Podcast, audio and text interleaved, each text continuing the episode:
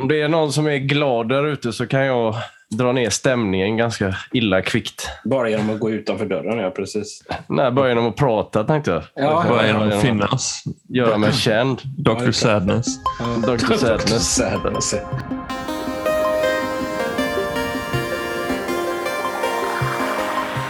Hej och välkommen till Retrofilmklubben. Här har vi en bokklubb fast med gamla filmer mellan 60 och 90-tal där en av oss väljer en film och vi alla kollar på den och så diskuterar vi den. Med oss har vi Magnus som är lite förkyld. Hej. Så ni har lite... Hej. Ja, lite. Jag ska försöka inte hosta. Han kämpar med. Mm. Kristoffer är också närvarande. Yes. Kalle heter jag. Men vi har kollat på japansk tecknad film Mm.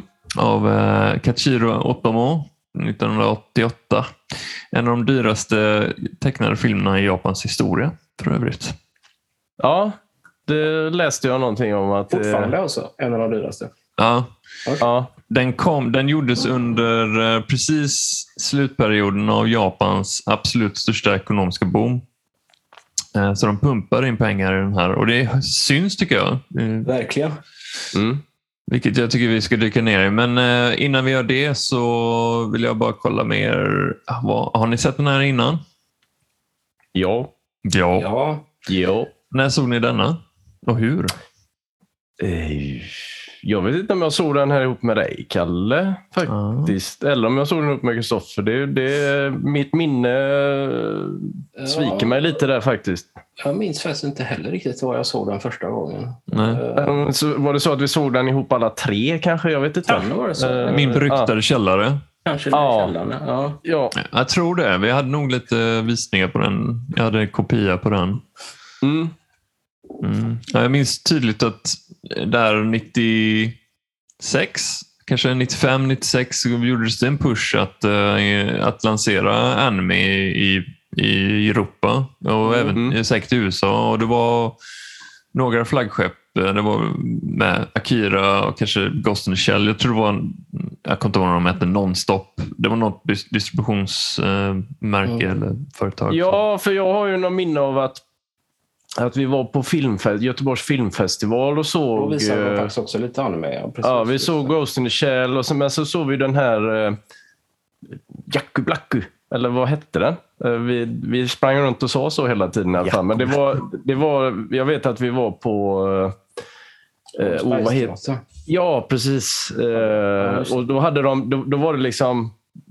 De var inte fullängdsfilmer de här. Alltså på det, de visade två stycken och så vet jag typ att var en så stor grej att någon av, av regissörerna var där liksom, och Ja, okej. prat, Ja, pratade på scenen.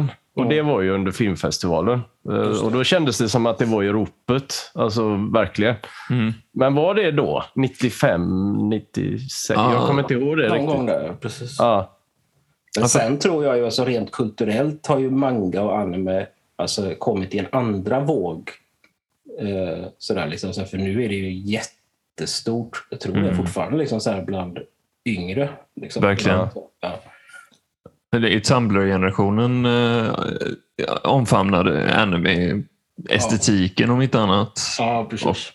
Ja, ja, men Men jag, men jag, tänkte, jag tänkte på det. Jag var, jag var, nere på någon, eh, jag var inne på någon... eh, Jo, här uppe på, på Stibergstorget och kollade in lite grann bland de begagnade böckerna inne på Ebbes hörna.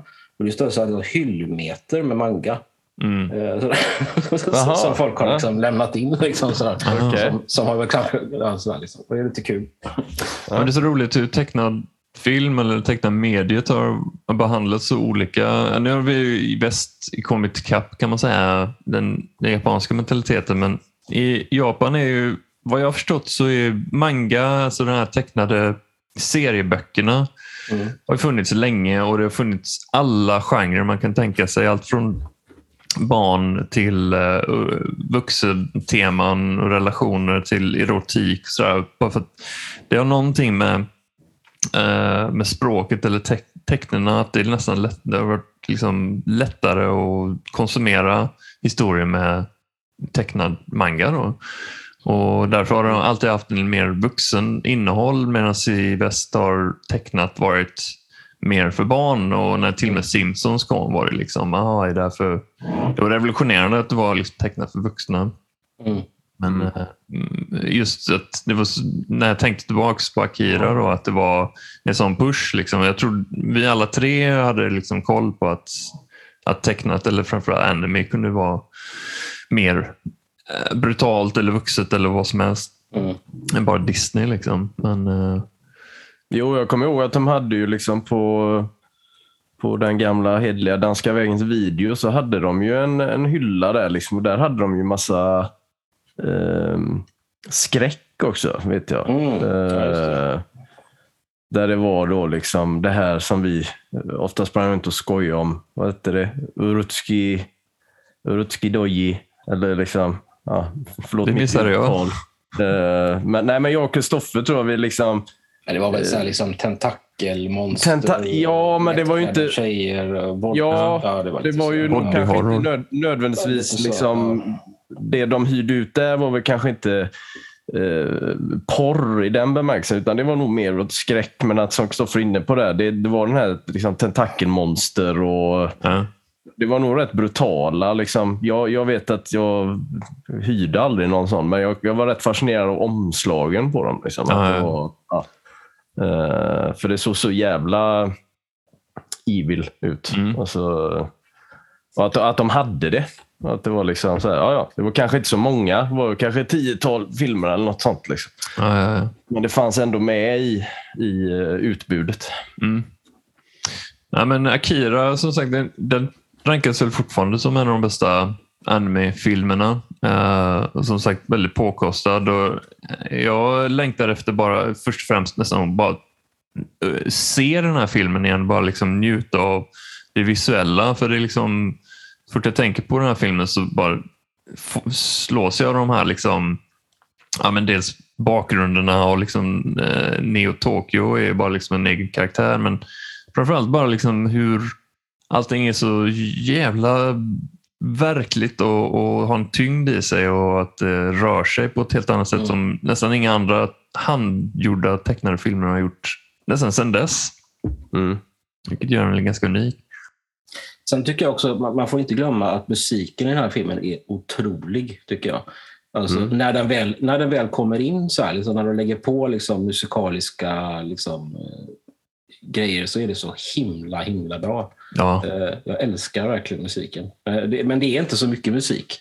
Eh, men det är trummor och flämtande. Och... Ja, precis. Ja, Ja, nej, det är klart. På det stora hela. Men jag förstår vad du menar. Men det är ju ändå på de ställena där det, där det kommer in liksom, så Ja, är det ju så är väldigt det så effektfullt. Ja, Ja. de här nasala körerna som kommer in som ett spjut. Liksom. Ja. Mm, När det är showdown eller vad som helst. Ja, jag håller med. Musiken är fantastisk. Och, se, eh, nu, jag har ganska bra ljud, eller min sådär, stereo inkopplad i tvn och det, det är supersnyggt. Liksom, jag brukar aldrig tänka på hur musik är mixad i filmer, men den här är väldigt snyggt mixad. Mm. Mm. Om man ska gå ner på sådana grejer. Men eh, ja, hela, liksom, hela hantverket i den här filmen är flawless på många sätt. Jo, men det märkte jag med med surround-ljudet här hemma. Att det var liksom...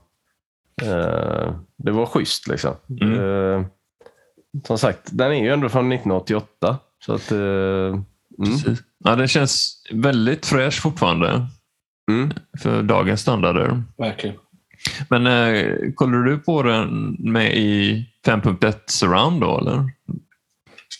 Magnus? Eh, ja, ja, ja. Ja. Och med min eh, fräcka anläggning här. Ja, för den hade en ganska påkostad, just liksom, läste jag någonstans, 5.1 mixning. Eh, Mm. Som var ganska eh, ja, före sin tid, sådär, att man gjorde det ens. Mm. Men eh, vi snackade lite offline jag och Kristoffer, men eh, jag hade läst mangan. Har du gjort det, Magnus? Eh, nej, det har jag inte faktiskt. Nej.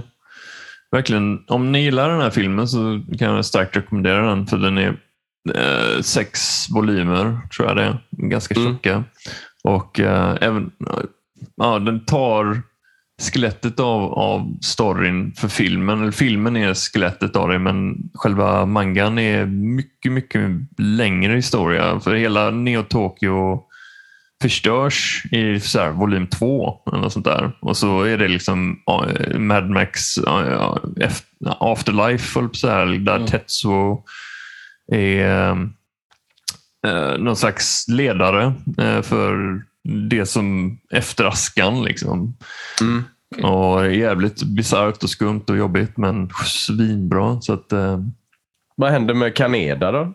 Nej, men han är, jag kommer inte ihåg exakt detaljerna, men han blir, han är, de, deras roller är ungefär samma liksom, som i filmen. Att de är lite antagonister fast vänner samtidigt. Då. Mm. Uh. Att de delar den här historien eller uppväxten och sådär. Att det är det som är roten. Mm. Men, eh, men eh, förutom det visuella och allt det där så slogs jag ändå av eh, hur många djup, liksom sådär, djupa teman det finns i filmen ändå. Uh, bland annat just det här, deras vänskap, Tetsuo och Kaneda. Väldigt rörande bitvis. Ja, verkligen. Alltså, jag tycker också det. Alltså, just de här, det är ju, framförallt så ser man väl genom Tetsuos liksom minnen. Va? Sådär, liksom. Eh, han minns tillbaka hur han kom till det här barnhemmet och sådär. Liksom. Mm. Och det är, ja, det är väldigt, väldigt bra tycker jag för att det blir så... Alltså, ehm, det bygger upp så himla mycket kring den här... Eh, alltså man förstår liksom konflikten mm. dem emellan. Sådär, mm. liksom. eh, och man förstår också på sätt och vis liksom varför Kanada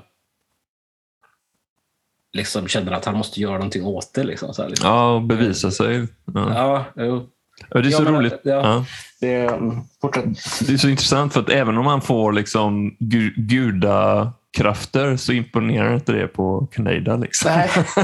Nej. Han ska ändå bara, men, fucking asshole, så försöka skjuta honom med laser. Liksom. Ja. Jo, men han är ju fortfarande den här lilla liksom, killen från barnhemmet som behövde försvaras och liksom och sen är lite, lite klantig när han växte upp och de har det här gänget och han liksom...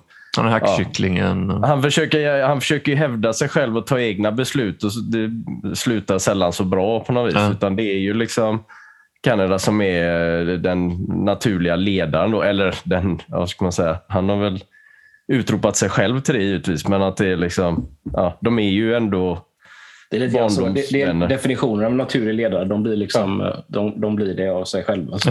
Ja, precis. Ja, men, den filmen gör det också, bra. Ja, jo, precis. Men det är också så himla bra alltså, i, i slutet där när, när, när han går igenom den här groteska förvandlingen. Eh, och liksom han börjar sugas in. Eller man ska säga, det, det är ju liksom ja. Akiras kraft. Liksom som slukar honom. Och så, så håller han på att slukas och så tittar han på Kanada och, och skriker liksom efter honom. Liksom så här, mm. Även när han, han, är bara en liten människa där nere ja. på, på golvet. Liksom. Och det, det, är så, ja, det är så himla bra. Liksom. Ja, det är grymt. Ja. Det gör det väldigt balanserat. Plus att uh, man känner liksom uh, uh, Tetsuos frustration hela tiden. För att liksom han är den här uh, runten Uh, han, han, får alltid slacken från liksom resten av gänget, speciellt Kaneda. Och, uh, uh, ja, ja, så att, mot slutet där, liksom att han, han vill så mycket så att liksom, han kan inte hålla inne det. Liksom. det, ja, det. Fysiskt bara väller över. Um, ja, jag var rätt chockad första gången jag såg den här, att det var så att de gick så långt som de gjorde. Men ska vi, ska, jag tänker på den här filmen, den är så pass... Jag tänker, ska, ska vi försöka göra en liten snabb sammanfattning av den, liksom vad den handlar om? Sådär? För att jag, det, ja, det. Det, det. är ju en väldigt... Eh, det är ju väldigt mycket som händer under de här två timmarna. Sådär, liksom. Mm. Eh, det, Varsågod. Ska, ska jag göra det? Ja. ja, vad handlar den om egentligen? Vad handlar den om? Ska vi börja med Neo Tokyo? Ja, det. det börjar ju med att, eh, eh ja, vad är det, 1988? Ja, den utspelar sig 2019 och 1988 så...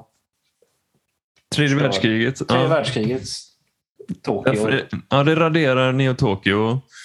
Nej, gamla Tokyo anser jag. Ja, gamla Tokyo. Det finns, mm. ja, precis. Och så byggde de upp ett, liksom, ett 20 år. Ja, är det eh, Neo Tokyo och ett eh, motorcykelgäng som Tetsuo och Kaneda är med i. Eh, är ute efter the clowns eh, på, en sån här, i Tokyos. eh, De har sådana här gängbråk, men då råkar ju Tetsuo ut eh, för en, en olycka när han träffar på eh, en förrymd eh, experimentpojke, eller pojke som är med i ett experiment. Eh, och eh, han eh, rubbas av av de här krafterna och tas in av militären och själv får de här krafterna. Det är inte helt hundra hur det funkar där i, i filmen tycker jag. Men, men det är ingenting som man tänker så mycket på kanske. Fast jag, jag, Nej, men... Nej. hur, hur, jag tror han heter Takashi, han, den, den Mm. pojken. Eh, och hur hans liksom, krafter på något sätt... Men det- alltså, det känns också lite grann som att Tetsuo kanske hade potentialen. Liksom, så här.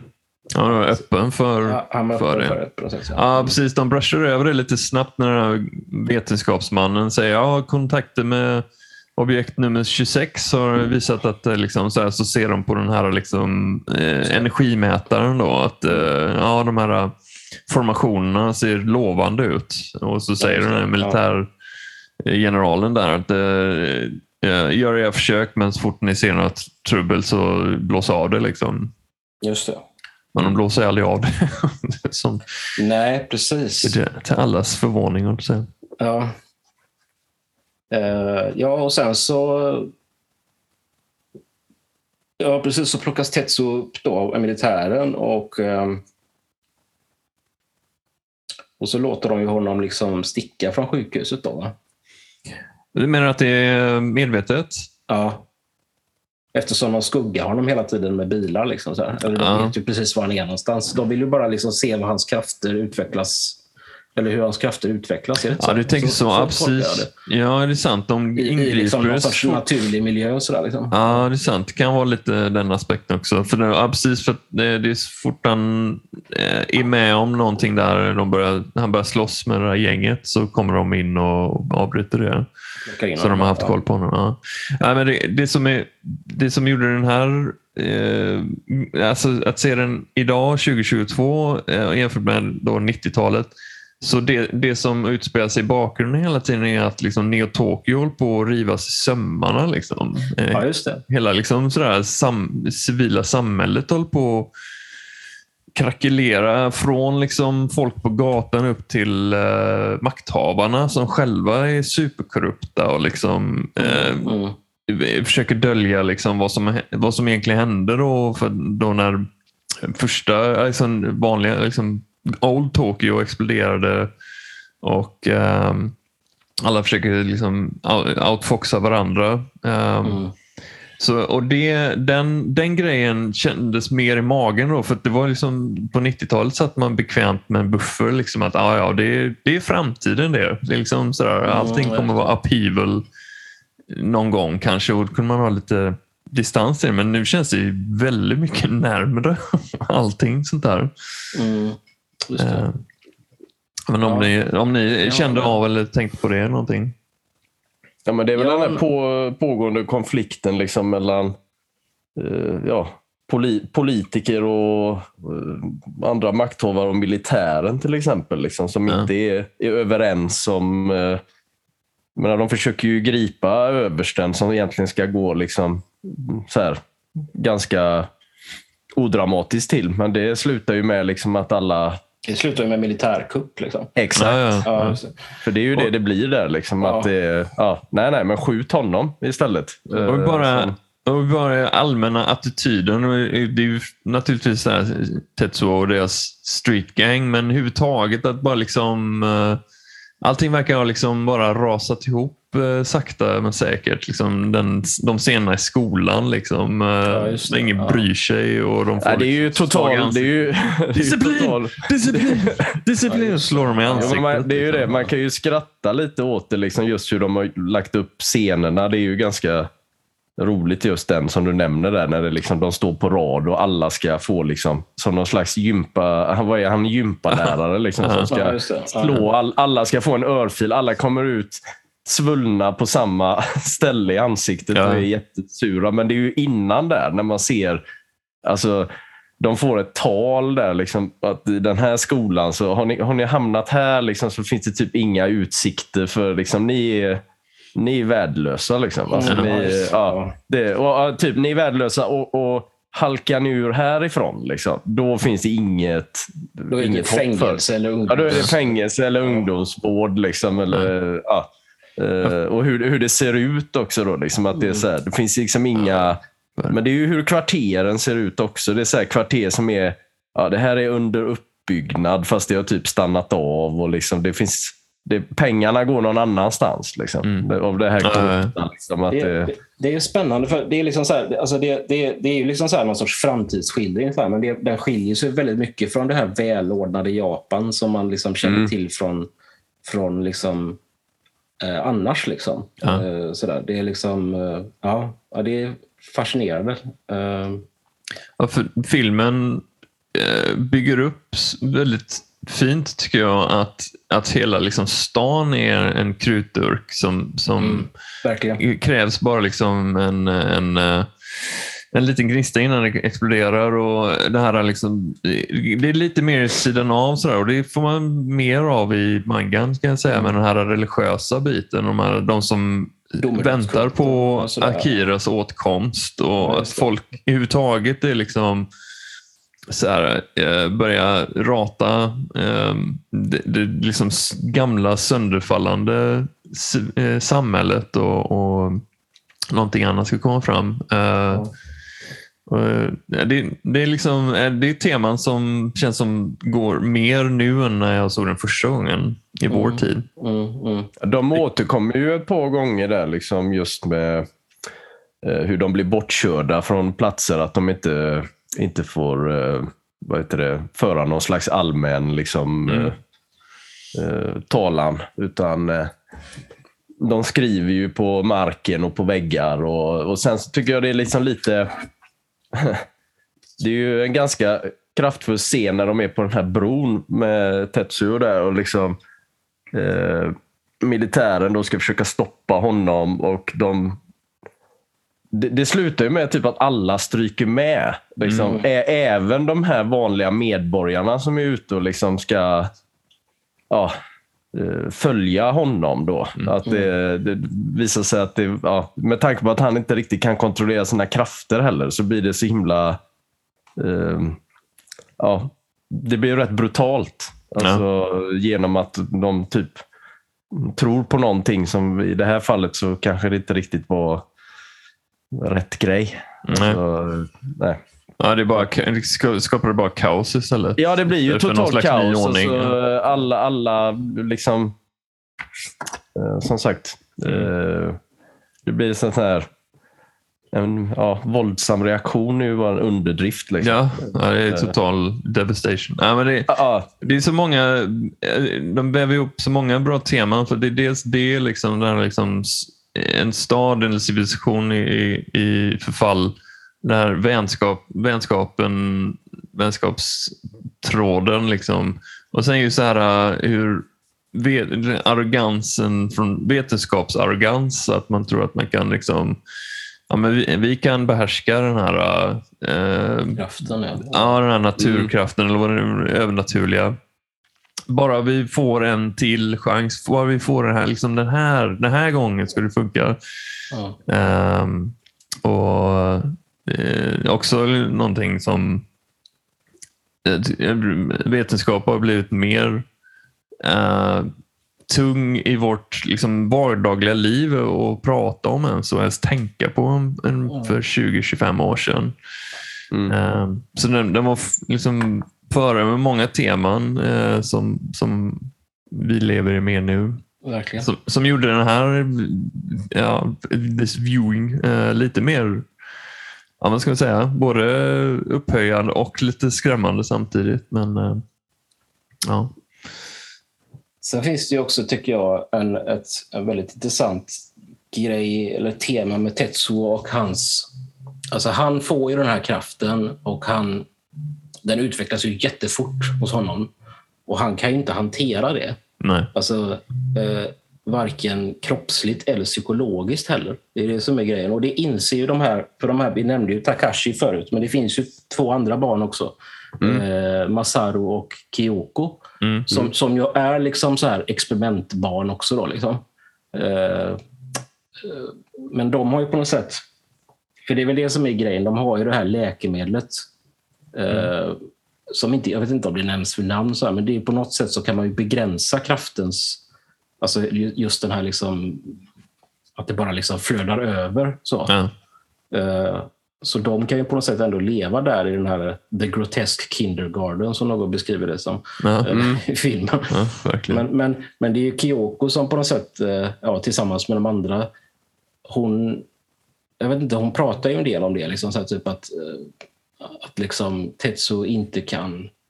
Alltså de måste ta hand om honom. Liksom, så här. Mm. Alltså, det, de ser ju det som sitt ansvar, liksom, för att han kommer bara förstöra allting. Liksom. Ja.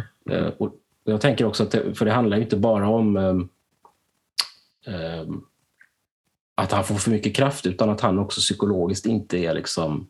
Han kan inte hantera detta eh, på det sättet som, som, de, som, eh, som någon som är lite mer mogen kan göra. Liksom. Och det tycker jag också är, det visar filmen så himla fint. Eh, eller fint, men alltså så tydligt hur, hur han är ja, han är bara småsint liksom, Mm. så här, i många situationer. Liksom. Och liksom, tänker väldigt så här, omedelbart. Liksom, så här. Och Akira Ja. har varit i mitt medvetande. Jag måste gå och möta honom. och typ så här, liksom. Mm. så där, måste leta upp honom. Så där. Ja, han är småaktig och lite sådär revanschsugen och såna Ja, grejer precis. istället. Ja. Men de här barnen, de här experiment, eh, experiment, de som har varit med i experiment, de är så oskuldsfulla och det är därför antagligen de kan eh, hålla inne den här kraften. För det, det tycker jag är så himla sött och lite weird och bra eh, den här scenen när de när eh, Tetsuo är i eh, sjukhusmiljön där och vaknar upp och de ska skrämma honom eller någonting. De kommer med Mm. liksom, den här stora björnen och Mm, mm. Bilen och, bilen och precis. kaninen där. Och Det visar sig att det är de som gör det telepatiskt. Då. Men när det blir blod, bara, "Wah!" då blir Mm. De nej, så. ja, då är de, ja, de, Då de, är väldigt liksom fortfarande, Mm. ja, de är fortfarande barn. Ja. Och eh, därför liksom bland de få som skulle nog kunna, liksom, kunna bibehålla den här kraften utan att eh, utan den här bagaget som, som Tetsuo redan, redan eh, eh, ackumulerat eller man ska säga genom sin, ja. eh, genom ja, sin bakgrund. Det sig ju rätt tragiskt att den är liksom föräldralös och liksom, eh, svår uppväxt och såna grejer. Så- Ja. Men det är så Mm. roligt hur vetenskapsmännen och militären inte tar någon, någon hänsyn till det. Det är bara liksom, hans värden ser bra ut. Vi kör på det. Liksom. Ja, just det. Ja, precis. Och det är det som är lite så här, för, för ibland så, ibland så för han översten, som, alltså militären som är på något sätt eh, chefen där, han är på något sätt så här, han är ju ibland liksom någon sorts voice of reason där i, i det här projektet. Liksom, så här, liksom. faktiskt. Och han har ju Ja. också så här, en väldigt, så här, han har en väldigt starkt band till de här tre Just det. eh, barnen. Liksom, så. Ja. Han Och de till om honom. dem. Ja, och Ja. de till honom också. Ja, precis. Så det är så Lite här, beskyddare. Så. ja.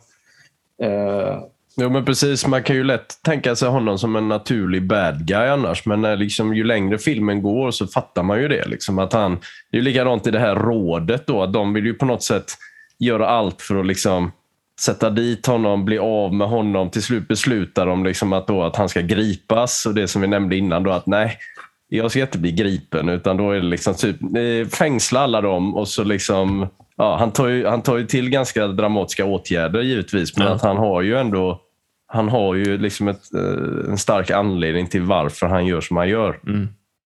En Jättebra poäng och poänger. Han är en väldigt eh, nyanserad, eh, nyanserad antagonist på det viset. Mm, Att han, Mm. han verkar vara den som de som the good guys ska kämpa emot, men i slutändan är det... Ja, precis, han, har, han har också en lite så här uh, utanför roll och blick på de här politikerna också. Han, han Mm. ger sig inte in i det där spelet utan han är väldigt, väldigt fokuserad på jag ska försvara Tokyo. det. Och han, och Mm. han är väldigt så här, fokuserad och, och förstår vad han behöver göra och vem han behöver liksom skydda. Och då, dels de här tre barnen. Då. Eh, ja, så att han är, eh, eh, han, är över, han är väl en av de få som överlever också för mig. Mm, mm.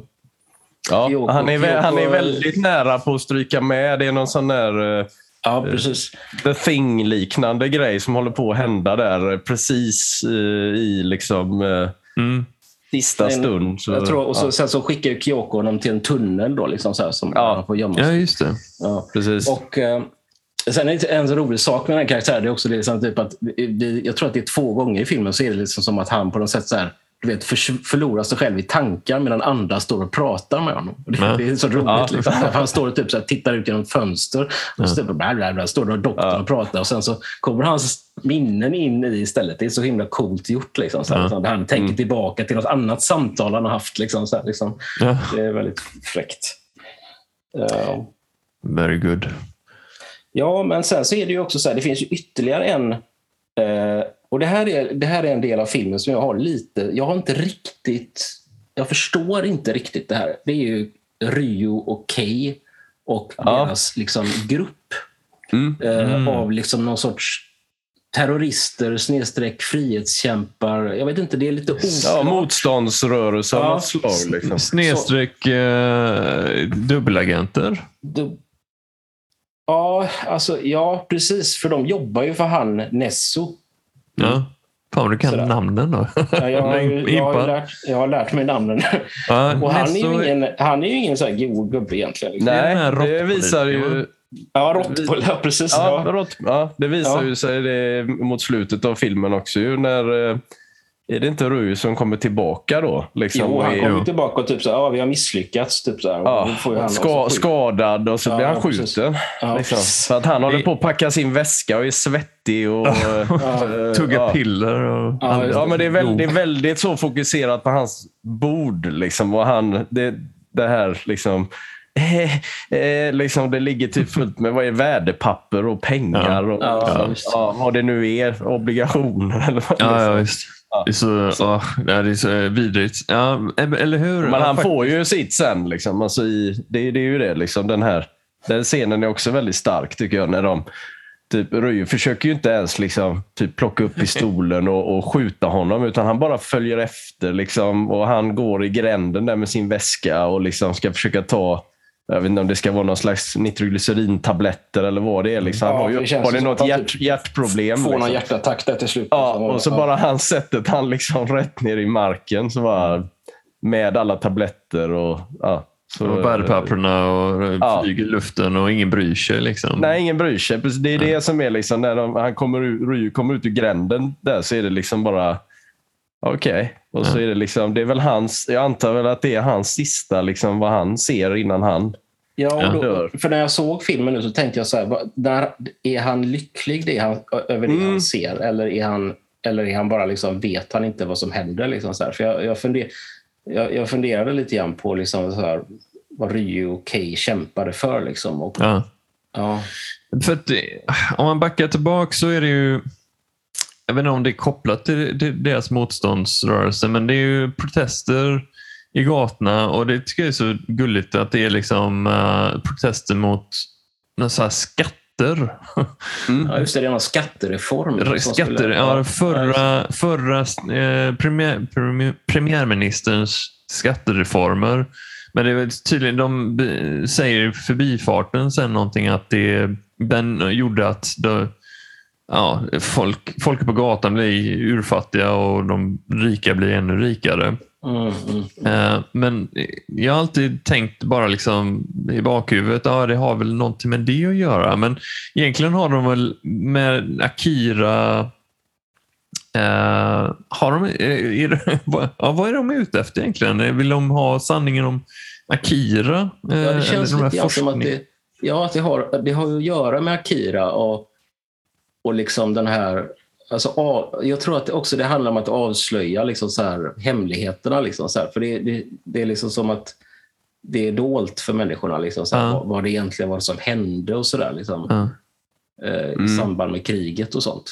Mm. Eh, ja, Ja, för det är väl eh, också liksom mellan raderna, men om det skulle komma ut så, så skulle det liksom eh, störta hela styrelse, liksom styret i. Japan. Ehm, och det är väl det han vill då, den här råttpolitiken. Han vill underminera sina politiska liksom, fiender genom att liksom outa det på något sätt genom att, då att han finansierar och hjälper den terror eller, eller eller ska vi säga frihetsorganisationen då. ja. Men samtidigt som han skor sig på det. Då. Ja, precis. Det är ju det som är grejen. Liksom, för att han, han, I slutet så, så, så ser man ju att han inte är någon sorts... Han är ju ingen frihetskämpe själv, liksom, utan han gör Nej. det förmodligen bara för sin egen vinnings skull. Liksom, så här, liksom. Att, Ja, För att underminera översten och militärens makt och sådär. Liksom. exakt. Mm. Ja, det är sant Kristoffer. Den, den grejen har jag bara liksom... Ja, ja, det flashar förbi och så jag har inte Mm. tänkt så mycket på det. Men det är sant, det är faktiskt en, eh, en storyline också. Och sen är det ju... eh, tar till slut filmen ja, snackar om död och återfödsel till slut. Så den här filmen, som du säger Kristoffer, det är två timmar och det händer skitmycket. Om, inte- Mm. liksom, rent temamässigt är det väldigt mycket som avverkas också. Just liksom eh, död, och, eller liksom, eh, död och åter, återfödsel. Plus att om man tänker liksom Japans historia är ju den här eh, historien med att vara förintad stad. Det är liksom väldigt djupt rotad i, i kulturen också. Mm, mm. Eh, så att, eh, det är nog ingen slump att de, de använder den, eh, den symboliken. Eh, men det är, en, det är en slags efterkrigstid som gick åt helvete istället. Eh, som, eh, efter, istället för andra världskriget i det här fallet. Ja, precis. Det är ju liksom som, ja, exakt, det är en återupprepning av ett tredje krig. Då, liksom, och den här, och i, den här varianten så gick det inte så bra. Nej, nej precis. Mm. Ehm, Men det, är- det är- såg ni att det skulle vara olympiad 2020 i Akira ja, i. Tokyo? Ja, Mm. Skulle ju varit i verkligheten också. Mm. Eh, herregud. Det skulle det, ja. Visste ni att eh, han eh, Ottomo skulle köra in med en röd motorcykel, eh, eh, Canada-motorcykel på invigningen? Alltså, Ja, nej. de skulle Ja, riva ner en vägg eller något sånt där och så skulle han köra in. Ja. Men det blev aldrig. Det var så jävla Nej, tråkigt. fan, det var synd. Ja, det var riktigt tragiskt. Och sen, och sen det bästa det var sen att, att eh, Akira återföddes på riktigt också. dessutom, liksom. Ja, ja precis. Mitt i, mitt i pandemin. De, exakt. Fuck it! Ja. Jag kan se den eh, slutscenen där, liksom mitt under en pågående olympiad. Alltså Mm. att, he- att hela jävla liksom, huvudstadion rämnar och liksom... Ja, Fast det Det- går, det går fel. Akira blir den där stora blobmonstret. Ja, just det. I direktsändning. istället. Ja. Det, Ja. det hade varit något. Det hade varit någonting. Mm. Men eh, just det, för, och sen så... Vad händer sen i filmen? Jo, eh, Tetsuo förlorar kontrollen eh, mer och mer. Han vill ju leta upp Akira för att han, för att han menar att Akira, den här... Ja, det är liksom så här, länge är ju Akira bara ett begrepp liksom i filmen. Ja, ja, just det. Eh, så. Eh, och det är så Vi himla får ju se den här, vad heter det, kapseln eller vad man ska kalla det för. Ja, Eh, precis. ja, för Eh, massa där, man, slangar där, där till Akira liksom. då, eh, tydligen ska befinna sig. Då, liksom, så. Ja, Men, men eh, han... Ja, precis. Han säger ju det, liksom, så här, Tetsuo, att ja, jag ska leta upp Akira. Liksom. Och då säger ju översten, men Akira är ju så här... Eh, han säger ju inte rakt ut, liksom. Eh, att han inte, att, men hans kropp är ju död. Liksom, så här, Mm. liksom. ja. Vill han inte, vill han inte liksom sådär, slå Akira också? Eller det känns som att han ska liksom, ja, jag, jag det, ska övervinna han- honom också. Liksom. Ja, precis. För han har väl fått för sig på något sätt att Aki- att Akira är i hans huvud. Liksom, så här, liksom, och, eller på något sätt så har ju liksom någon sorts... Han känner av Akira på något vis. Liksom, så. Mm. Eh, det är så coolt också när hans typ, medvetande rusar genom korridorerna där. Mm. Eh, när, när han, let, han ska ju leta upp de här barnen. Då, liksom, så här, för de, dels är han ju irriterad på dem. Eh, Mm. och dels så vill han väl ha svar då, liksom, så här, om vad det är som händer honom. Liksom, så. Ja. Alltså, han, han lever ju i ett konstant kaos. Liksom, så här, liksom, Mm. från, sen använder väl barnen sig av Kay mycket då. Jag vet inte om hon också är någon sorts mottaglig. I alla fall Kyoko som kan på något sätt Jo, men hon- och prata genom henne och sådana saker. Mm. Precis, för det händer ju mer än en gång. Mm. Liksom, att att uh, Kay helt plötsligt eh, säger saker som hon själv inte har tänkt att säga. Utan Nej, att det. eh, hon är kontrollerad. Liksom. Där- sen, en viktig grej också i detta är att Kyoko har ju en sån här, hon har ju så här prekognition så hon kan ju se framtiden. Just det. Det kan väl inte de andra tror jag, utan det är bara hon som kan göra det. Mm. Och det är väl det som är, alltså när hon ser den här eh, framtiden så, så bestämmer de sig för att de måste försöka stoppa honom. Ja. För att Ja. Neo Tokyo kommer gå under, Ja. Tror jag. Väl. Ja, Men som det- sagt var, det är ju så himla mycket. Så. Ja, det är mycket Men, grejer. Ja. ja. Men det, ja, det, jag kan förstå. eh, Kristoffer berättade innan vi satte igång här att eh, han såg faktiskt två gånger in, inför, inför eh, avsnittet här. Mm. Eh, och det kan jag förstå. Det, det är så här, eh, det, man kan se det på så många nivåer också. Dels bara Mm. liksom se, tittar de på dem, eh, som sagt, med animationens skull och eh, detaljrikedomen och allting sånt där. Men eh, man kan se den, man kan se den nästan som eh, Ja, precis. Nästa gång kan man se den liksom bara, bara på ett spirituellt plan, eh, vad de försöker säga, eller på ett vetenskapligt plan eller på samhälleligt plan. Mm. Eller bara som en relations... bara för relationernas skull. Ja, ja visst. Ja, Definitivt. Så det är bra. det är. Såg ni den på japanska eller engelsk dubb? Jag såg Japan. den på japanska. Ja. Japansk. Ja, För Jag blev jag, inspirerad av det när du sa att du ville se den på japanska. Så tänkte jag att jag ska också se den på japanska. ja, Eh, Mm. det var faktiskt första gången jag såg den på japanska. Eh, bara haft tillgång till eh, den engelska dubben. ja. Men eh, det var... Nej, det var... Det, var, det förhöjer ju hela... Liksom, jag tycker amerikanska dubbar, i alla fall de som gjordes i början, det var liksom lite sådär... Eh, klart de tog det på allvar, men det först sen på kanske 2000-talet man började så här med Hayao Miyazaki-filmer som de började ta in A-list skådisar, eller riktigt bra skådisar Mm, och, och mm, dubba. mm. Den eh, engelska dubben som gjordes för Akira när de lanserade den på 90-talet var helt okej, men liksom lite over the top. Liksom, eh, Var det några sådana skådespelare som man känner till som dubbade den då? Eller, Nej. så här Inget- voice actor? Jag tror det är ganska, ganska standard voice actors. Mm. Men eh, den här Akira, när de gjorde original liksom, skådis, skådisarna så gjorde de faktiskt den omvända me- metoden som man brukar göra. Alltså de spelar in alla skådespelares eh, eh, röstprestationer och filmar dem samtidigt och Mm. baserade animationerna på det. Mhm. Mm. Och den, den var rätt känd för att den var extremt eh, noga, eller vad heter det? Eh, eh, vad heter det? Verklig, eller det är liksom synkat med, med munnarna. Ja? Munsynket. Mm. Eh, de, Synkningen ju stämma liksom. ja, de hade någon sån här digital verktyg som de tog fram speciellt för den här fär- eh, filmen då för att eh, kunna göra det. Frame Det tycker jag märks också. Så det, alltså när man ser det på japanska, liksom att, det, att det, det är väldigt välgjort utifrån det. eh, för det pratas ju väldigt mycket i den här filmen. Liksom. Ja. Det, det, och det, det, ja. För annars är det rätt standard i ja- japansk anime att liksom saker och ting kan eh, vara rätt stilla och så munnarna kan liksom öppna och stängas. Eh, Det kan Ja, det. fortfarande vara snyggt liksom, men eh, rätt, rätt ekonomiskt. Sådär. Men jag tror varenda frame liksom är det liksom rörelse, eller någon rör på sig eller är det rätt naturligt liksom, Mm. hur de rör på hur karaktärerna rör på sig också. Eh, Så den är lite olik eh, egentligen standard an- anime eller den anime som man tänker. Eh, Dessutom inte, de har inte de här överdrivet stora ögonen heller. Utan de är lite mer. Ja. Och, och gäng, liksom Kaneda och, och Tetsuos gäng är inte så här Åh, den med blått hår och den med rosa hår. Och det liksom sådär, utan de ser ganska liksom så som de hade sett ut. eh, Mm. Ja, det, är ju inte, det är inte Sailor Moon det här. Det är Alltså, verkligen, eh, precis.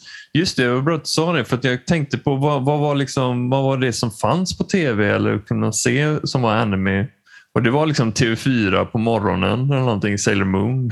Ja, ja, och vad hette den där andra? Fast det var, det var väl ännu tidigare, va? den här uh, Star Singer. ja, just det. Eh, Det känner jag inte till. Vilken är det? de är ju, vad är de, vad är det, tre, fyra stycken. eh, De har väl, är de i rymden eller vad fan? Är det- Eh, Är det med det här piratskeppet i rymden eller? Ja, jag tror det är något sånt. De åker runt och löser problem eller något. Jag, vet, jag kommer faktiskt inte ihåg, men jag vet att jag hade några sådana eh, kassetter, VHS-kassetter. Mm. var ju dubbat på svenska då.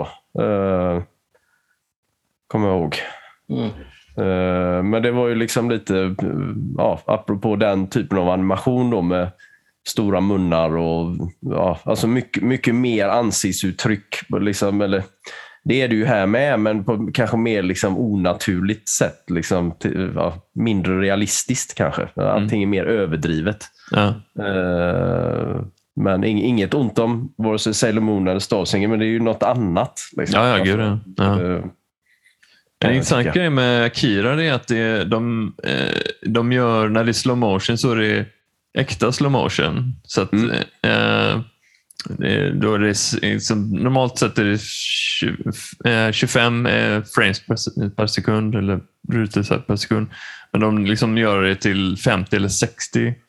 Mm. Ehm, och, eh, ja, och även att den är rätt unik med Normalt sett så har man 12 frames per second eller något sånt där, men den kör verkligen nästan he genom hela filmen 24 frames per second. Så det är extremt tidsödande att göra det. Men, eh, men som sagt, den, den kommer nog hålla för alltid. Eh, mycket tack vare det. Mm. Rent, rent visuellt. Det är ju verkligen en, alltså den är ju väldigt, väldigt våldsam. Mm. Eh, Ja. Så. Det, är, och det finns ju vissa scener i den, här, i den här filmen som jag kan tänka som, som jag kan tycka, även om det är en tecknad film, så att säga, liksom så, här, så blir man lite så här, oh shit. Liksom. Så, Ja. Eh, och då, liksom det, dels... Det är verklig våld. Det är Ja, inte det är bara verkligt. liksom så här, ja, precis. pang, pang, eller tecknad pang-pang. Utan det, Nej, nej, det ser väldigt, det kan se väldigt, det ser horribelt ut liksom så här, när, när människor slits i stycken eller Ja, ja, precis. skjuter Mm. ansiktet eller sådär. Liksom. Och det, är- ja, det är Ja. verkligen...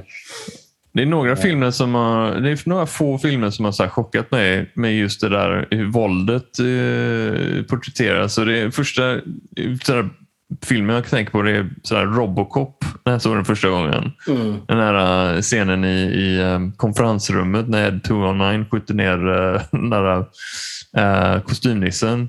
Mm. Mm. Eh, men även Akira eh, brukar dyka upp för att just när i början när han eh, motståndsrörelsesnubben har eh, fått med sig eh, han nummer 26. Takashi. Ja. Takashi, ja. Och när han slutligen skjuts, det är liksom där, eh, det är så liksom, eh, ja, det, eh, ja, men kinetiskt på något sätt. Eller Mm. blodet och allting. Och det är så väl animerat också. Verkligen. Det var också en sån liksom, gut punch första gången jag såg den. Att, okay, och sen fortsätter den ju den stilen sen resten Mm. av filmen. Men ja, den lyckades faktiskt chocka mig första gången. Ja, jo, men det kan jag hålla med om. Det här liksom flytande på något vis. Det är väldigt bra animerat liksom, när det flyter ut blod på olika Mm. sätt. Och Ja. folk, som sagt, menar, det är ju likadant inne på sjukhuset när eh, Tetsu har fått nog där liksom av, det kommer någon läkare där att du, han har förstört dörren. Det är ju efter han har liksom ja, det. eh, Ja. det är efter han har, de har försökt att skrämma honom eh, med, ja, de här, vad heter det, eh, Men nallebjörnen, nalla, nallen och kaninen och bilen där. Liksom, Mm. och, och han skär sig i foten. Och, men det är ju att han liksom förstör ju alla rutor och sen förstör han dörren och så ska de ju liksom, du får inte lämna rummet och sen så är det bara ett snabbt liksom det är, det är ett klipp där som är väldigt effektivt också som sen visar att eh, de läkaren ihop med de här två, tre soldaterna som är, de är liksom totalt slitna i stycken i Ja, korridoren. Ja. Eh, det, det, är som, det, det är blod i taket och på väggarna och liksom Mm, att det. Ja. Eh, Med det, jag tycker den här filmen kommunicerar väldigt väl eller väldigt snabbt och effektivt eh, vilka krafter som gäller. Ja. Eh, Den är, man fattar liksom att det är någon, så här, någon sån här energi liksom bubbla som man kan ta fram och, och, och som du sa Kristoffer förut, den här, liksom, hans medvetande Mm, åker ner för just det. korridoren. Det är väldigt så här, eh, begripligt eh, hur alla, allting hur liksom, jag ska inte säga att det är magi, men alla krafterna liksom, uh, vad de har för intern logik. Precis. mm, Eh, och det är samma sak när, när han, eh, när de har tagit över, eller så att säga liksom använder sig av Kay för att slåss med Tetsu nere i Akiras, eh, nere i, alltså i den här Mm. underjordiska historien. Så jag vet inte om det är så liksom att det, det, det är väl barnen som genom Kay liksom så slåss med, med, Kay, eller med Tetsuo. Mm. Och då så pushar de liksom någon sorts, eh, någon sorts tank eller någonting på Tetsuo. Mm. Och så klipper de det. Och så är det någonting annat som händer utanför tror jag. Och sen så kommer han tillbaka liksom så här, och då ser man liksom så här hur han liksom på något sätt har skapat en bubbla runt omkring sig Ja. när den här tanken kom. Liksom. Så det är liksom allting som är runt omkring har blivit liksom tillknycklat. Så här, liksom. Men Det, är så himla, det är väldigt coolt. Ja. Mm. Ja. Ja, för det kan ju lätt bli väldigt uh, luddigt och diffust. eh, men uh, Mm. sådana typer av krafter. För att det är ingenting som syns heller. Det är liksom inga så här, uh, Dragon Ball Z eller någonting med stora liksom, explosioner. Eller liksom man skjuter grejer från händerna eller whatever. Nej, liksom. Nej. Men det är väldigt sådär liksom, mental eh, energi nästan. Eller liksom ute i Mm. världen. Det är därför det blir så liksom, det, det är en logisk liksom, sådär, eh, conclusion. Att han kraften eh, inte kan behålla, eh, han kan inte behålla den i kroppen till slut. Eh, så att, eh, ja, det är väl masterful. Mm. Verkligen. Nej, Jag fick bara någon sån här liksom jämförelse till någon annan spelfilm som jag tänkte just på, på slitas i stycken. Så tänkte jag ju på, vad heter den? Uh, Watchmen, uh, Dr. Manhattan, liksom. Mm.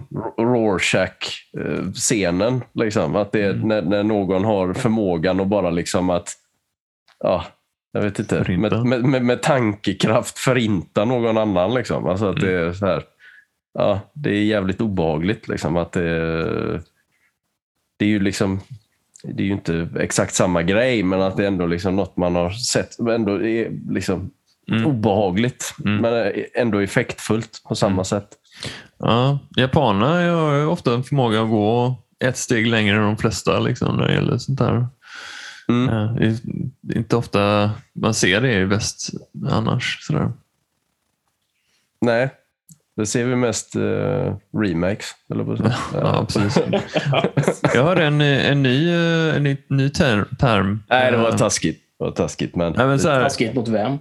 Nej, jag vet inte. Mot, mot, ja, precis. Taskigt mot Hollywood. Ja. Vet du vad en, eh, det finns en ny term som är prequel eh, ehm, reboot. Eh, en, eh, en, eh, vad fan är det? Nu Prequel. börjas det. En requel. En requel. Re, man Nej, gör en, fan. att man gör en eh, reboot, eh, prequel. Ja. I really open the can of worms here. Okej, ja. Ja. Ja, men det har blivit en uh, grej. Att, ja, men så här, eh, Force Awakens är liksom en en requel. Um, vad är det mer? Vad jag, inte hade behövt veta detta. Ja, jag vet. Ja, men det är liksom the sad state av västländsk, eh, verkligen. västländsk kultur. De har, tyvärr. de har folk som jobbar på det här hela tiden också kan jag lova dig. Liksom, kom på, alltså, vi måste komma på något nytt uttryck nu för att nu har vi kört med liksom, remakes och, och prequels. Vad, vad, vad, vad kommer härnäst? Liksom? Nej, men det, det är ju... Oh, nej. Termen tror jag kommer från att eh, efter att Hollywood har pumpat ut massa, massa reboot prequels. Liksom, sådär, att det, och sen har någon snappat upp att det är eh, Antagligen. att det, det är det här man, man re, rebootar samtidigt som man går tillbaka. Så man ska liksom sådär, ja, nej, det var bara en si- sido, sido eh, grej men eh, när man ser en sån här film som Akira och sådär, fan, en, ja, lite original, eh, originell Mm. nya stories eh, med, med djärva berättare. Man längtar Mm. efter det. ja, det hade varit kul. Det är dåligt med det nu för tiden. Precis. Ja. Vi ska, inte göra, ska vi göra en sammanfattning eller har det framgått tydligt att vi alla älskar den här filmen? Jag, Jag- jag tror det. det, förändrar mitt liv, den här filmen. På många sätt. Nej, men så här, verkligen, eh, inte förändrar mitt liv, men så här, det är en, eh, det är en av de största så här, filmupplevelserna jag har haft i mitt liv med den här. Faktiskt. Mm. På många sätt. Jag är böjd att hålla med. Det är en, det är en otrolig film. Ja. eh, På så många olika sätt. Så den, det är bara att rekommendera. De som inte har sett den borde se på den. Så, Och så, ja. jag är jätteglad att den inte bara håller utan den äh, åldras som ett fint vin också. Ja. Jag var lite Mm. nervös innan. och var så här, ah, kommer den den vara seg och tråkig? Men det är fortfarande så här, bra tempo, bra liksom grej. Allting håller och fortfarande. Ja, men det är ju det. det är, så, som den är liksom. upp, så som den är uppbyggd så blir den ju inte... Menar, det händer ju grejer direkt. För jag tänkte det också. sådär, "Ha, undrar, undrar hur den här filmen är. Liksom. Alltså, från att sett, jag har inte sett den på...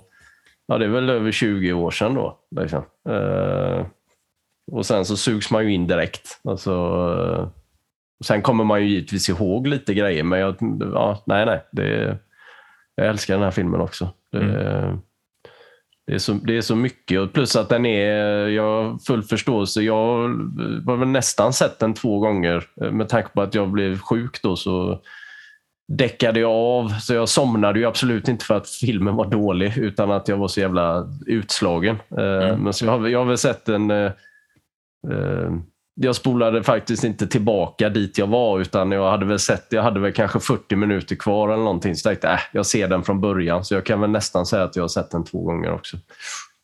Jag, just det, jag glömde säga det innan, men jag uppskattar också att det är liksom ett eh, vagt slut. Även sådär, vad som händer. Det är klart att det är- allting, allting sprängs, men, eh, Ja. men eh, vad som händer efter det, vad konsekvenserna är, det bara lämnas därhän. Och jag tycker det, jag älskar det, att de bara liksom Verkligen. Ja, tio år senare byggde de upp det igen och alla de byggde upp en ny slags regering. Det blev ingen, liksom, eh, stryker inte medårs utan det är bara så här, lämna oss i ruinerna. Med någon slags liksom, du vet, vemod också och i slutändan handlar det till slut om deras vänskap, de här två killarna. Liksom, den scenen när han har den här lilla sparken kvar av honom eh, i handen. Så där. Mm. Det är vackert och sorgligt och omtumlande. Mm. Verkligen. Neo Tokyo, staden där allting sprängs. ja. Nej, det är ju Älskling, absolut... var är mina tofflor? Nej! Nej, Ja. nej, men precis. Det, nej, men jag gillar det slutet. Det, det, det är väl där det känns dock då som att det skulle liksom kommit någonting mer sen. Eh, längre fram. Ja, just det. Men eh, det, på ett sätt kan det vara rätt så skönt också. Eh, att vi kan Och- lämna det där. Ja, också, och jag glömde också säga, men när man lämnar också Akira, ex, Mm. fortfarande väldigt gåtfull och Mm. oförklarad. Mm. Eh, också välgjort, att man är liksom återhållsamt. Att man inte liksom gick ner i liksom detaljnivå över vem han var eller vad det var för krafter eller var han kom ifrån och bla bla bla. Vad han ätit Mm. frukost. Eh, Akira började precis komma fram och berätta sin livshistoria och vad han käkade till frukost. Ja, vilken, liksom, vilken lek han tyckte bäst om på, på lekplatsen. Innan. Och vilket barndomstrauma han hade för att bli den han blev. Nej, men det är verkligen så Ja. här, Akira är lika Innan- gåtfull eh, som efter filmen som liksom i början av filmen nästan. Mm. Verkligen. Nästan ännu mer gåtfull. Jag Ja, håller med. precis. Mm. Ja, nej, men hur som helst, det är en otroligt bra film. Yes. Eh, men nästa vecka, eller näst, nästa vecka, eller när, hur det blir, Mm. så tänkte jag att vi skulle kolla på eh, David Cronenberg. Oh, Eh, Vi kollar på Videodrome.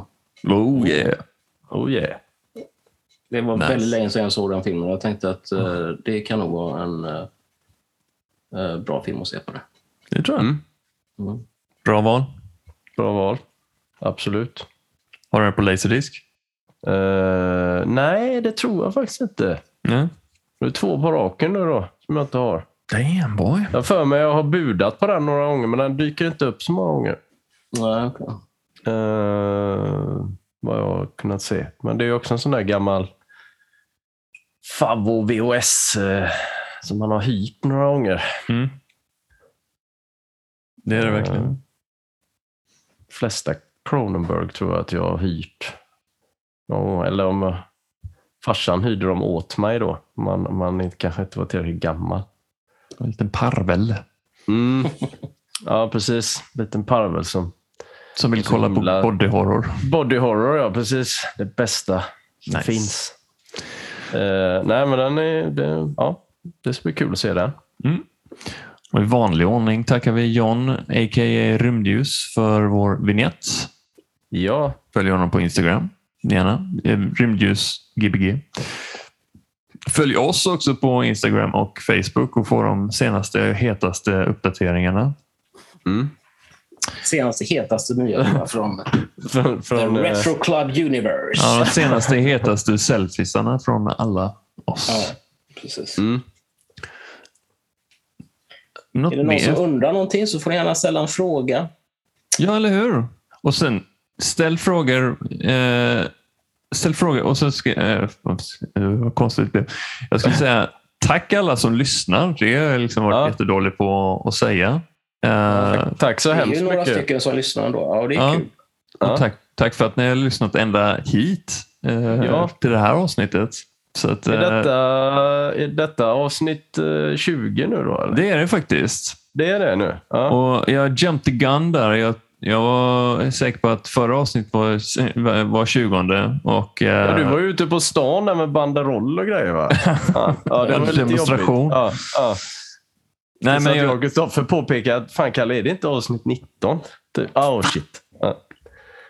Nej. Jag upp, eh, nej, men vi uppdaterade loggan för eh, 20 avsnittet, men det blev eh, inför 19 avsnittet. Så att, ja, men det gör inget. Det blir, blev en jättesnygg uppdatering. ja, ja. Tack. Det var inspirerat av de här, jag kan aldrig säga det, Karolako, Kar, Karolako, Kar- Kar- Karolko. Karolko. Ja. Den, den stilen, jag älskar den stilen. Så att, Mm. det blir bra. Många bra filmer som har kommit därifrån också. Ja, fantastisk eh, uppvärmning. När man ser den så blir man alldeles varm. Mm. Bra. Nej, men, eh, då tackar vi. Tack, tack, tack. Tack, tack och bock. så mycket och hej då! Ha det bra. Hej då. Hej då!